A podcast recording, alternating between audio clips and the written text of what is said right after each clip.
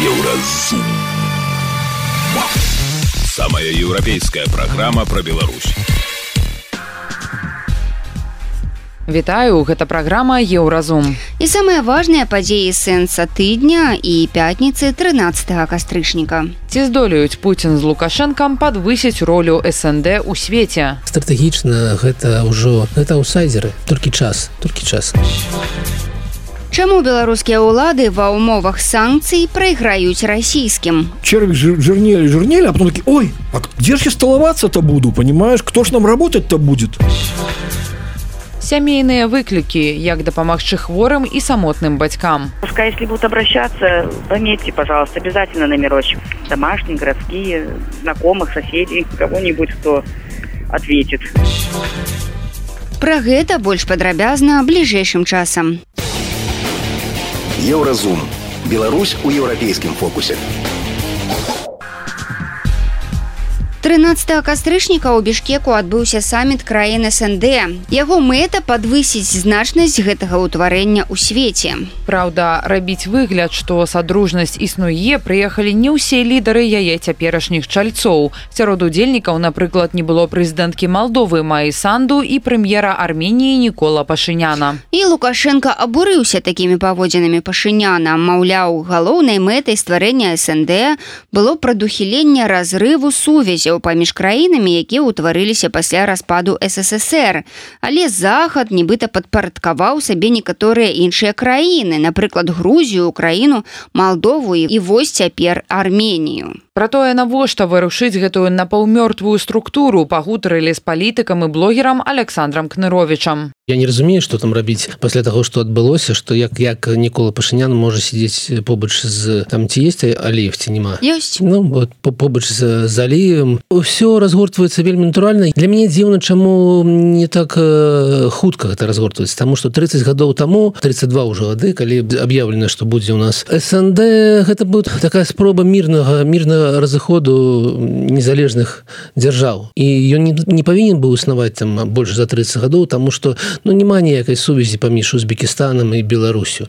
І напэўна там сувязь паміж Беларусі і Польшай у 10 разоў большая чым сувязь паміж Беларусю і Арменій Таму гэта такое ненатуральнае аб'яднанне нейкіх Ну зараз гэта клуб таких аўтакратаў дыктатараў розных каляроў і ніч- нічога больш. Ну так ну дарэчы вось мэта іх сённяшняй сходкі каб падвысіць э, вагу СНД ў свеце. Ці можа нешта атрымацца Ну калі мы паглядзім на то як галасуюць краіны СНД у Аан ўсё зразу будзе зразумела. Таму калі как бы Росія робіць агрэсію супраць Украіны яе не падтрымліваюць ніхто акрамя Беларусі там ну некарагу я, я не памятаю ці Арменія тады галасавала за ці ці, ці ўстрымалася но мне здаецца што ўсе краіны СНД дружна ўстрымаліся і казалі хлопцы гэта ваша как бы дурства і будзе адказваць э, самі за гэтае таварышы ў Крымлі і ў драздах а нас до гэтага не цягніць. Вось і ўсё. Вось, вось увесь уплыў гэтай э, гэтага саюзу. Ім няма нічога. Гэта чыста дэкаратыўная такая фармальная структура Ну дарэчы сёння там гучаць э, рознага кшталту заявы. Вось Пуін напрыклад заявіў што м- малдаване жыхары Малдовы э, страчваюць сваю ідэнтычнасць э, называючы сябе румынамі так? А лукашенко дарэчы заявіў што вось галоўны здабытак тых людзей хто там сабраўся гэта руская мова і вось трэба зрабіць все каб яе захаваць. Ну вось у беларусі дарэчы э, відаць гэтым шляхам ужо ідуць. А і яшчэ Александр я тут адразу так э, шмат вам інфармацыі дам. Яшчэ вось у, СНД неўзабаве з'явіцца арганізацыя нейкая якая будзе займацца менавіта рускай мовай і яе захаваннем. Вось чаму раптам пачалося вось гэта вакол рускай мовы? З чым гэта звязана як вы лічыце? Ну гэта ча- гэта частка рускага света гэта частка рускага. На жаль як мне не на жаль гэта гаворыць бо я как бы вырас у савецкім саюзе і для меня натуральная размова размова на ру- на рускам але гэта частка рускай імперыі і гэта частка ўплыва і таму я разумею чаму там Пуін э, как бы жадае каб гэты рускі язык быў паўсюль так але как бы ну калі мы говорим про некую там Узбекістан ці казах ці Казахстан ці іншыя краіны сярэдняй Азіі для навошта ім гэта? Ну у Беларусі іншае становішча. Беларусь глядзіць глядзіць на Москву больш так уважліва под цалкам под уплывам Москвы ва ўсіх галінах але калі мы паглядзім на сярэднюю азію жа все по-іншаму Таму гэта зноў нейкія такія ілюзіі некі такія гульні невядома што. Калі мы говорим про Молдову і про ее сувязь с Румыніі Ну яна напэўна большая як сувязь Молдовы з Россией і Молдовы ўжо ўжо ўжо там. І не справа Путина разважаць наконт ідэнтычнасці молдаван. Я бы ему параю паразважаць наконт страты ідэнтычнасці напрыклад народаў у Сібіры у России тому что там как бы загибаются прабачьте народы там как бы народы губляюць сваю свой язык свои традыцыі напэўна ён як усеюшы прэзідэнт России павінен быў па-першае клапаціцца об гэтых народах. Ну Мачыма яшчэ аб народах на каўказе татарах калмыках. Я думаю там есть шмат працы і не яго справа цікавіцца справамі у Молдове Вось. Ну вось не так. Ну а вон новы орган які будзе клапаціцца аб рускай мове ведаеце ну зараз ёсць бренд рускага ў свеце. Які гэта бренд? Гэта как бы людзі якія вырашылі рашаць праблемы менавіта вайной. І гэты бренд зачыняе дзверы рускай мовы якія ты камітэты не стварае якія ты не рабі у организация. международная так, организация так, по русской так. мове что-то не больше не больше рабіць імідж толькі такі імідж зараз гэта чалавек з калашом из гэтай з ракетай сармат из ядранай зброі які кажуць я з голай жопай але вы не будете жыць добра Таму па-перша трэба гэта неяк вырашыць і уже потым Мачыма калісьці будзе і справа дойдзе да рускай мовы. Ось так. На жаль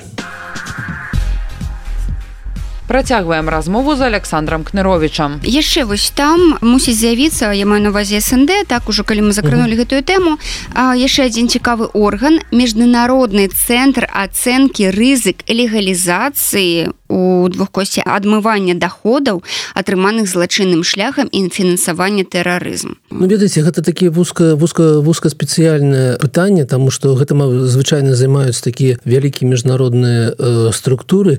Для чаго рабіць нейкі асобны орган. Ну напэўна для того каб каб не показваць там усіму свету что сам працуеш і сам адмываеш і сам как бы фінансуеш э, тэрарызм але гэта такое вузкае пытанне напэўна я не трэба трэба разобрацца ну, пакуль так пакуль невядома что там у гэтым дакуменце але вось як у нас у тэлеграм-канале заўважаюць что Мачыма просто дзяржавы удзельніцы СНД будуць пераймаць унікальны беларускі досвед калі ўсё і ўсіх называюць і аб'яўляюць тэрарыстамі Ну давайте да, яшчэ раз ёсць Россия ну дзяржава спонсор тэрарыст ёсць Беларусь якая суагрэсара у вайне. А ёсць астатнія краіны СНГ якія не жадаюць мець да гэтага ніякай справы ніякага дачынень напрыклад там прэзідэнта Казахстана такая вядзе себе вельмі незалежна ад всего гэтага і на да на чорнае говорит чорнае на чырвонае чырвона на белое белое і таму ён ніколі не пойдзе на усякія гэтыя гульні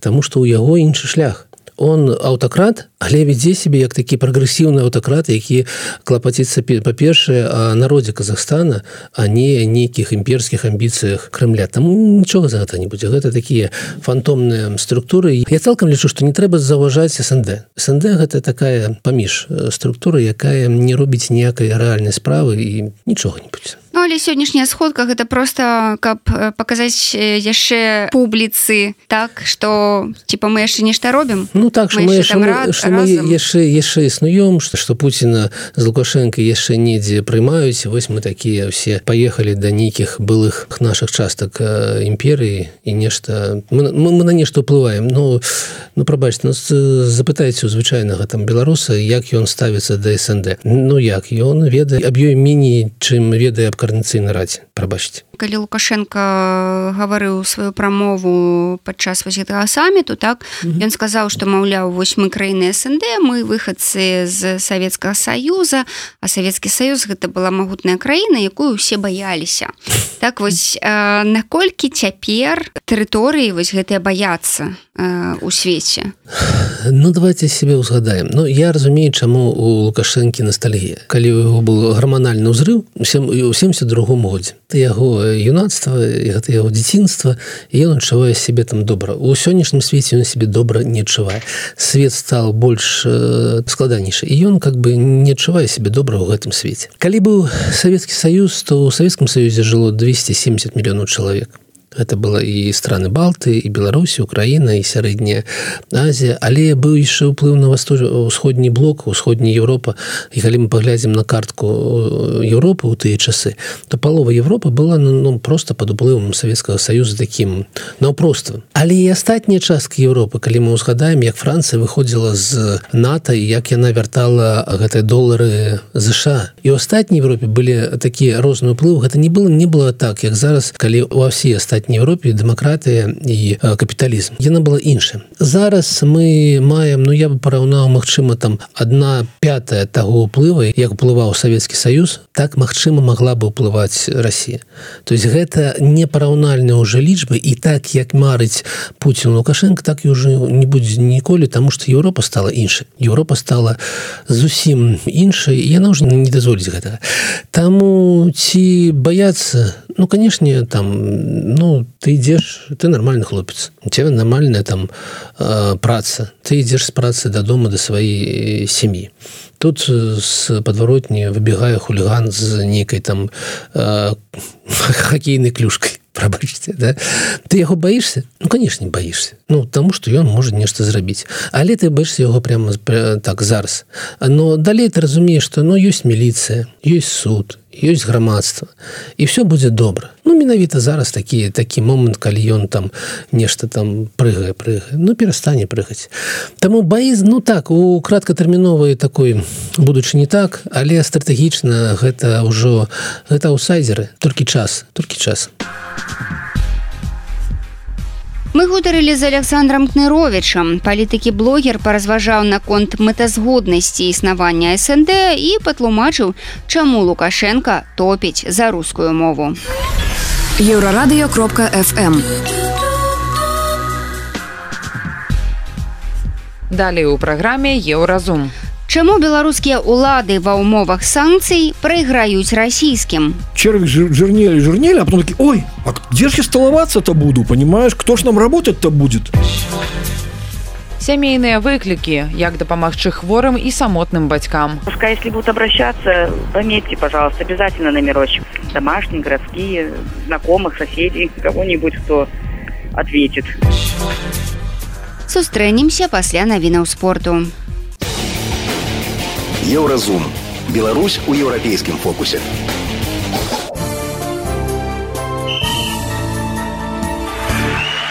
На еўрарадыё навіны спорту. Футбалісты зборнай беларусі ў будапешце згулялі ў нічю з румыніі 00 гэта быў матч адбору чэмпіянату Еўропы 2024 года пры іспанскім трэнеры карласе алусе беларусы ў трох матчах не забілі ніводнага гала праўда і прапусцілі толькі адзін Украінскі шахцёр пацвердзіў, што яго футбаліст Александр Распутько не вярнуўся на радзіму пасля матчу юнацкай лігі УЕФА супраць бельгійскага антверпена. Інфармацыю пра ўцёкі 19гадовага гульца ў рассію у клубе не пацвердзілі, але і не абверглі. Ён здаў багаж, але на пасадку ў самалёт не з'явіўся. У клубе яшчэ спадзяюцца, што футбаліст вернецца. Сусветная боксёрская асацыяцыя адхіліла апеляцыю Даніэля Дюбуа на вынік бою з Александром Вусікам. Украінец перамог тэхнічным накаутам у дзявятым раўндзе. Каманда брытанца мяркуе, што на зыход паядынку паўплывала рашэнне рэферы, які перапыніў бой пасля удару ніжэй пояса з боку Дебуа. Аднак асацыяцыя вырашыла, што вынік бою павінен застацца ранейшым. У праграму алімпіяды 28 -го года ўключаны 5 новых відаў спорту. Гэта сцяг футбол, крыкет, лакрос, сквош і бейсбол. Выканкам міжнароднага алімпійскага камітэта заявіў, што яны цалкам адпавядаюць амерыканскай спартыўнай культуры і прадэманструюць свету культавыя амерыканскія віды спорту. Гэта былі навіны спорту, заставайцеся на еўрарадыё. Еўрарадыё. Моц настрою. Галоўны навык які засвоіла ў сферы эканомікі дзеючая беларуская ўлада гэта сядзець на потоках і кантраляваць лічыць незалежны аналітык Сергей чалы. На яго думку рэжым успрымае беларусаў як ресурсную базу і калі раней лукашенко не бачыў праблему ў масавым ад'ездзе грамадзян з краіны то цяпер заварушыўся. У эфіры еўрарадыё Сергей чалы эмацыйна распавёў пра тое што адбываецца з беларускай эканомікай. З экспертам пагутарыў наш галоўны рэдактор павел свердлоў у людей очень очень специфические очень архаические представления о том как должно быть устроено общество. Я вообще на самом деле сказал бы вот про что. Для начала они эту проблему же проблемы не считали отъезда людей. Ну типа скатертью дорога да. Не нравится валите говорили они. Помнишь это же было самое распространенный да. все вот эти два десятилетия мы только это и слышали. Не нравится валите правда потом начиналось как только уехал значит предатель. Ну то есть как-то вот в общем везде, везде э, как бы не поступил везде плохо так вот и когда выяснилось, что так, а кто же нам работать-то будет? Понимаешь, в чем фокус? Фокус-то в том, что те, кто остались, ну, я имею в виду вот эту вот власть, которая там, для которых, э, значит, прописанная в Конституции сменяемость, это покушение на их конституционный строй. Да? Значит, они же ничего не умеют на самом деле. И я, кстати, про это говорил. Заметь, какая есть очень важная особенность э, реакции вот белорусской на санкции и э, уход западных компаний и, и России и Беларуси. В России их с удовольствием отжимают, заставляют продавать за бесценок, там за 40%, иногда еще больше, да, потому что там все-таки есть, но есть, пускай провластные, дружащие, но имеющие люди, которые могут с этим работать. А что делают белорусские власти? Они говорят по, по компаниям с иностранным капиталом, значит, вы, во-первых, не можете э, уехать. да. Значит, акции. раз, потому что мы там что-нибудь с вами сделаем, вы не можете деньги свои вывести, вы должны тратить их только внутри страны, там, значит, там, на покупку ценных бумаг, там, белорусского правительства, в общем, всего этого весь этот бред. Вот. Но и закрыться вы не можете, остановить свою работу, потому что мы тогда вам ведем внешнее управление. Но какое внешнее управление? То есть, у них задача такая, давай работай нам, потому что мы сами ничего не можем. Потому что эта власть, главное, чему она научилась, это сидеть на потоках и контролировать. Понимаешь, она внедряла в частной компании людей, которые занимались, значит, э, вот эти вот кадровики, которые постоянно были с ГБшным прошлым. По спец. Да, угу. раз. Они смотрели, во-первых, кто не лояльный, а во-вторых, они, значит, следили, за, как следили на потоках. Но эти люди, контролеры, понимаешь, они не умеют производить это паразиты, которые могут существовать только тогда, когда есть на чем паразитировать. И сейчас происходит удивительная история. Кстати говоря, вот я, может быть, ты мне напомнишь, я, я пытался вспомнить, но не нашел. Был какой-то из телефонных прослушек, помнишь, когда публиковалось это все 20-х годов, то ли это, я, я боюсь сейчас соврать, то ли это был Караник, э, Караев, то ли это был Балаба, э, за все, у его там самое не, не, были... там, было, там была мысль о том, что э, кто-то из силовиков называл э, белорусское, э, э белорусских граждан... Э, Ресурсная база, наша ресурсная база. А, вот ну, буквально так. дословно. Типа взбунтовалась ресурсная база. У Караева точно было про самое покорное население, что это с ним случилось, а у кого-то было еще и про ресурсную базу. И это на самом деле так. Это власть паразитов, которая ничего делать не может, понимаешь? И внезапно выяснилось, что оказалось, что вот это вот вы нам работаете, оказалось под угрозой. Знаешь, у, у китайцев есть такая очень интересная притча про червей, которые жили в древнем э, старом шкафу. Они Я думал, ели... ты расскажешь в древнем старом человеке. Не-не, они его ели, жирнели, пока структурная жесткость не была нарушена, шкаф рассыпался, и они сдохли. Вот это то, что сейчас происходит с белорусской экономикой, понимаешь?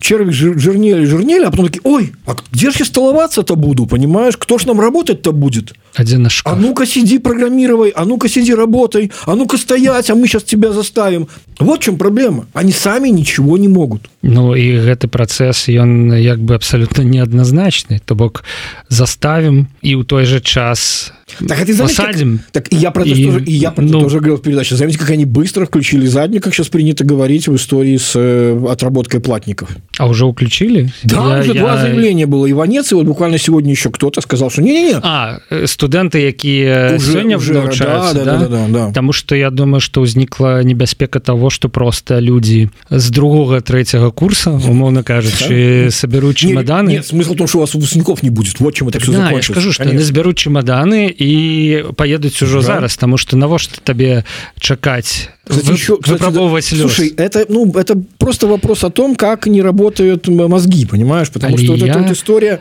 с тем, как давайте мы ведем вот это вот закрепощение, как они называют, гарантия первого рабочего места, да, это же как бы подменяют. Конечно, все для Но ведь эта история человека. уже однажды была в гораздо более таком ласковом формате, но ровно та же история была с высокой э, безработицей среди молодого населения была во Франции. И они попытались, социалистическое правительство, решить этот вопрос э, гарантии вот этой самой занятости в течение нескольких лет. Удивительным образом безработица среди молодого населения только выросла. Почему? Потому что работодатели решили лучше не связываться с человеком, который я не могу в случае чего уволить. Вот и все. То есть такие, ну, это как бы пример того, как люди не понимают, как их решение, значит, э, скажется на, то есть как, какая реакция будет в ответ. Вот и все. Еще раз, а, они сейчас переживают два для себя откровения. Первое, это вот это вот оказывается, значит, не нравится в Алите. Во-первых, приобрело неожиданно большие. Э, во-вторых, это сказывается на макро, я про это давно уже говорил. Это даже не в каких-то микровещах, это, не, это, это действительно видно. Это видно по динамике розничной торговли. Я про это рассказывал многократно. Если посмотреть на график, темпы роста розничного товарооборота отстают от темпов роста зарплаты. Почему? Так не должно быть. Цикаво, Мое объяснение заключается в том, что что такое средняя зарплата? Это средняя зарплата, средняя. Средний располагаемый доход – это среднее на домохозяйство. А что такое э, розничные расходы? Это все расходы всех домохозяйств. Если у тебя средняя растет, но сумма уменьшается, значит, уменьшается количество тратящих домохозяйств. Вот и все. Простая математика, понимаешь, о чем идет речь? Особенно с учетом того, что у тебя уезжают самые тратящие. А ці шкадуе рэжым, што беларусы пакідаюць краіну, працягвае Сергей Чалы. Еще раз говорю, понимаешь, вот первое, это осознание того, что, черт побери, значит, поехала, как сказать, э, мы такие, значит, ну, искатель всю дорога, да? А теперь выясняется, ой-ой-ой, а кто же нам работать-то будет? Это вот первое неожиданное такое осознание, что случилось. А второе, это то, что, а давайте мы, знаешь, как это Лукашенко любит, а давайте мы примем указ. А если я приму указ? Попытка быстрого, легкого решения, как я всегда говорил, у сложной, у сложной задачи всегда есть два решение, одно из них простое и неправильное. Так вот, простые и неправильные, значит, э, они всегда приходят на ум, и внезапно выясняется, что не работает, что вы получите другое. Але я хотел бы сказаць что тое что сёння міністр адукацыі кажа што не будуць размяркоўваць студэнтаў Гэта не значыць что Нет, ничего, ничего не значит не скажа іншае тому что вось ізноў я вярнуся до фільма які я паглядзеў учора і быў под вялікім уражаннем что у нас вельмі лёгка все заканадаўчыя ініцыятывы набываюць зваротную моц. Ты падтрымліваў нейкі фонд ці медыю ці яшчэ што-небудзь калі э, яна не была не экстрэміскай не тэрарыстычнай ніякай просто да слушай начнем с того далей яе абвяшаць праз два годы ну, например раз два гады да. ты там экстрэміскай тэрарыстычнай і ты робішься ўжо слушай это не самый это не самый вопиющий пример есть гораздо более вопиющие вещи когда преступлением становится подписка на экстремистские каналы не ну в то время как в законодательстве прописано так само зворотную э, говорю, да, да, да. прописано по распространение экстремистской они а а потребления ну так яны ж адразу раз распаўсюдзіць калі калі что раб ну, то есть я про то что не там ну, подписка это удел у экстремистскім формировании нет, так, на самом деле нет. на самом деле нет. Ну конечно не нет. але э, как раз там там слушай я вот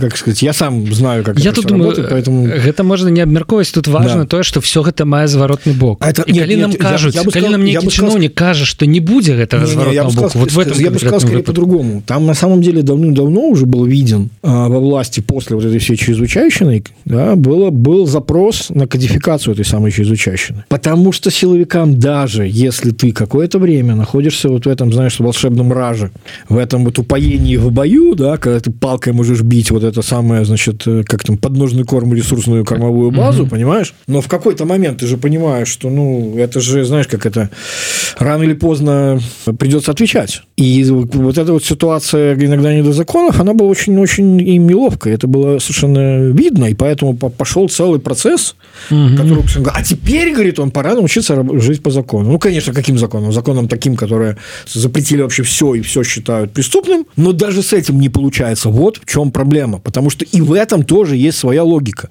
Если ты запускаешь механизм насилия против собственного населения как единственный способ удержания себя у власти, остановиться ты не можешь нет обратного хода у этого механизма.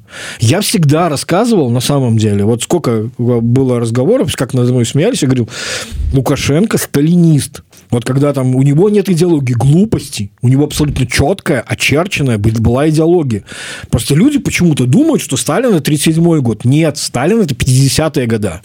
Весь культурный код противостоянию Запада, значит, одновременное расчесывание количества погибших в войне, и мы э, этот самый культ победителей, поэтому мы не можем быть фашистами, раз мы победили когда-то фашизм, хотя сами уже давным-давно по всем структурным показателям вы такими являетесь. Все абсолютно было заложено там, понимаешь? Он, не зная ничего, воспроизвел это. Вот это на самом деле, э, я уже многократно говорил, книжка есть как раз про Добренко, как раз про, как сказать, культурные коды вот этого позднего сталинизма.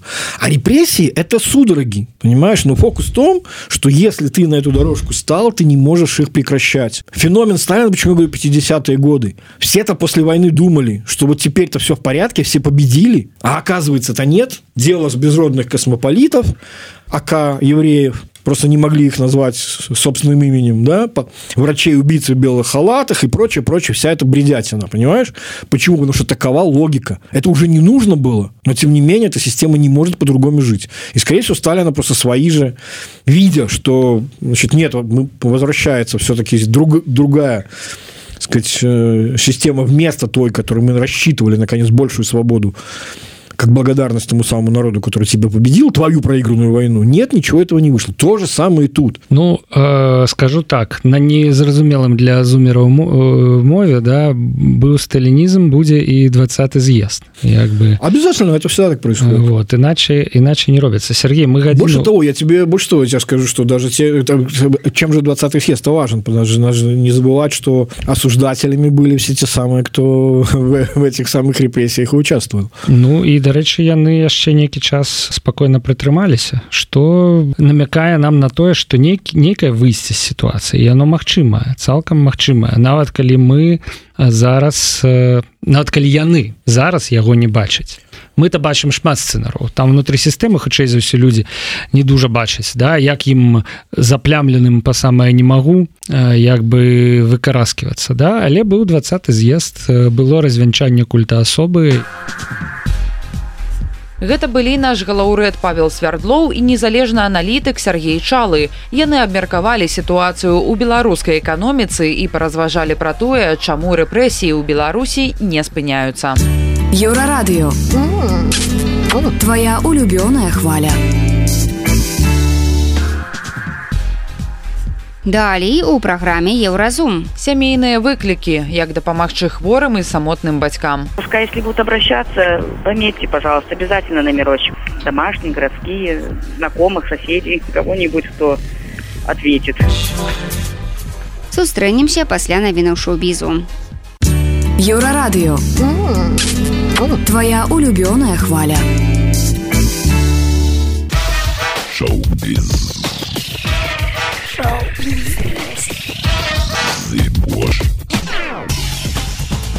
Навіны шоу-бізу на еўрарадыё. Гурт Джей Морс прэзентаваў новую песню пад назвай святло. Усё, што нас атачае, што нас стварае, што не дае сказаць стоп, гэта нашы родныя сябры, каханне, вера і надзея пішуць музыкі. Усё гэта пакідае ўнутры нас святло. І дзе б мы не знаходзіліся, куды б нас не кідаў лёс, мы ніколі не застаемся сам насам з цемрай. Аўтар слоў і музыкі владимир пугач. Дарэчы у лістападзе адбудуцца акустычныя канцэрты ў батуме і тбілісі. Неўзабаве пачнецца і тур гурта новая і лепшая па гарадах літвы і польшчы кампанія wol Disney ахвяруе 2 мільёны долараў на гуманітарную дапамогу ізраілю. Палову сумы атрымае філіял міжнароднай федэрацыі таварыстваў чырвонага крыжа і чырвонага паўмесяца ў ізраілі. Такую ж дапамогу атрымаюць некамерцыйныя арганізацыі якія займаюцца аказаннем дапамогі дзецям.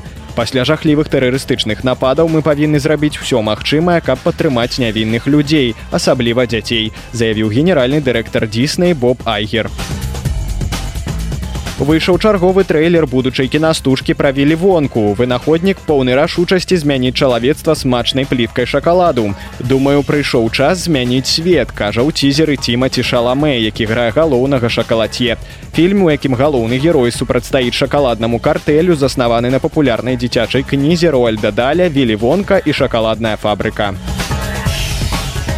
Дзявяты фестываль кіно паўночных і балтыйскіх краін паўночнае зяне абвясціў свой маніфест і слоган. Ён гучыць як увага адлегласць. На адлегласці мы можам размаўляць, але нам вельмі лёгка згубіцца. На адлегласці мы можам глядзець адно аднаму ў вочы, але праз шыльду экрана. На адлегласці мы можам плакаць, але не можам вылечваць нашыя самыя балючыя раны. піша дырэктарка кінафестывалю воля чайкоўская. Паўночнае зянне пачнецца роўна праз месяц. Гэта былі навіны шоу-бізу, заставайцеся на еўрарадыё.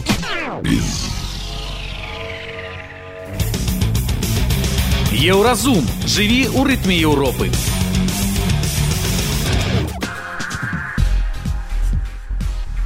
Ён мужчына, які перажыў інфаркт. Яго жонка інвалід перасоўваецца на мыліцах. Пажылая пара жыве ў мінску, дзеці і ўнукі за мяжой. Прыехаць наведаць блізкіх магчымасці няма. Жанчыне трэба абследавацца, абысці шэраг дактароў у паліклініцы, з'ездзіць у бальніцу. Паралельна праца па доме і догляд хворага мужа. Як жыць? Праблема, якую апісвае слухачка еўрарадыё Алена не новая і знаёмая многім беларусам. Але пасля выбараў два -го года пытанне, як падтрымаць пакінутых у адзіноце бацькоў закранула тысячы нашых сем'яў. І добра, калі есть грошы, напрыклад, можна плаціць за кватэры, аплачваць прыватныя клінікі, санаторыі, а ў выпадку неабходнасці наняць прафесійную сядзелку, замаўляць прадукты на дом, радаваць блізкіх замежнымі пасылкамі. У не такіх шчаслівых сітуацыях дапамагаюць сацыяльныя работнікі. Людзі, якія за зусім невялікі заробак узвальваюць на сябе ўвесь цяжар клопату пра пажылых беларусаў, што засталіся дома адны.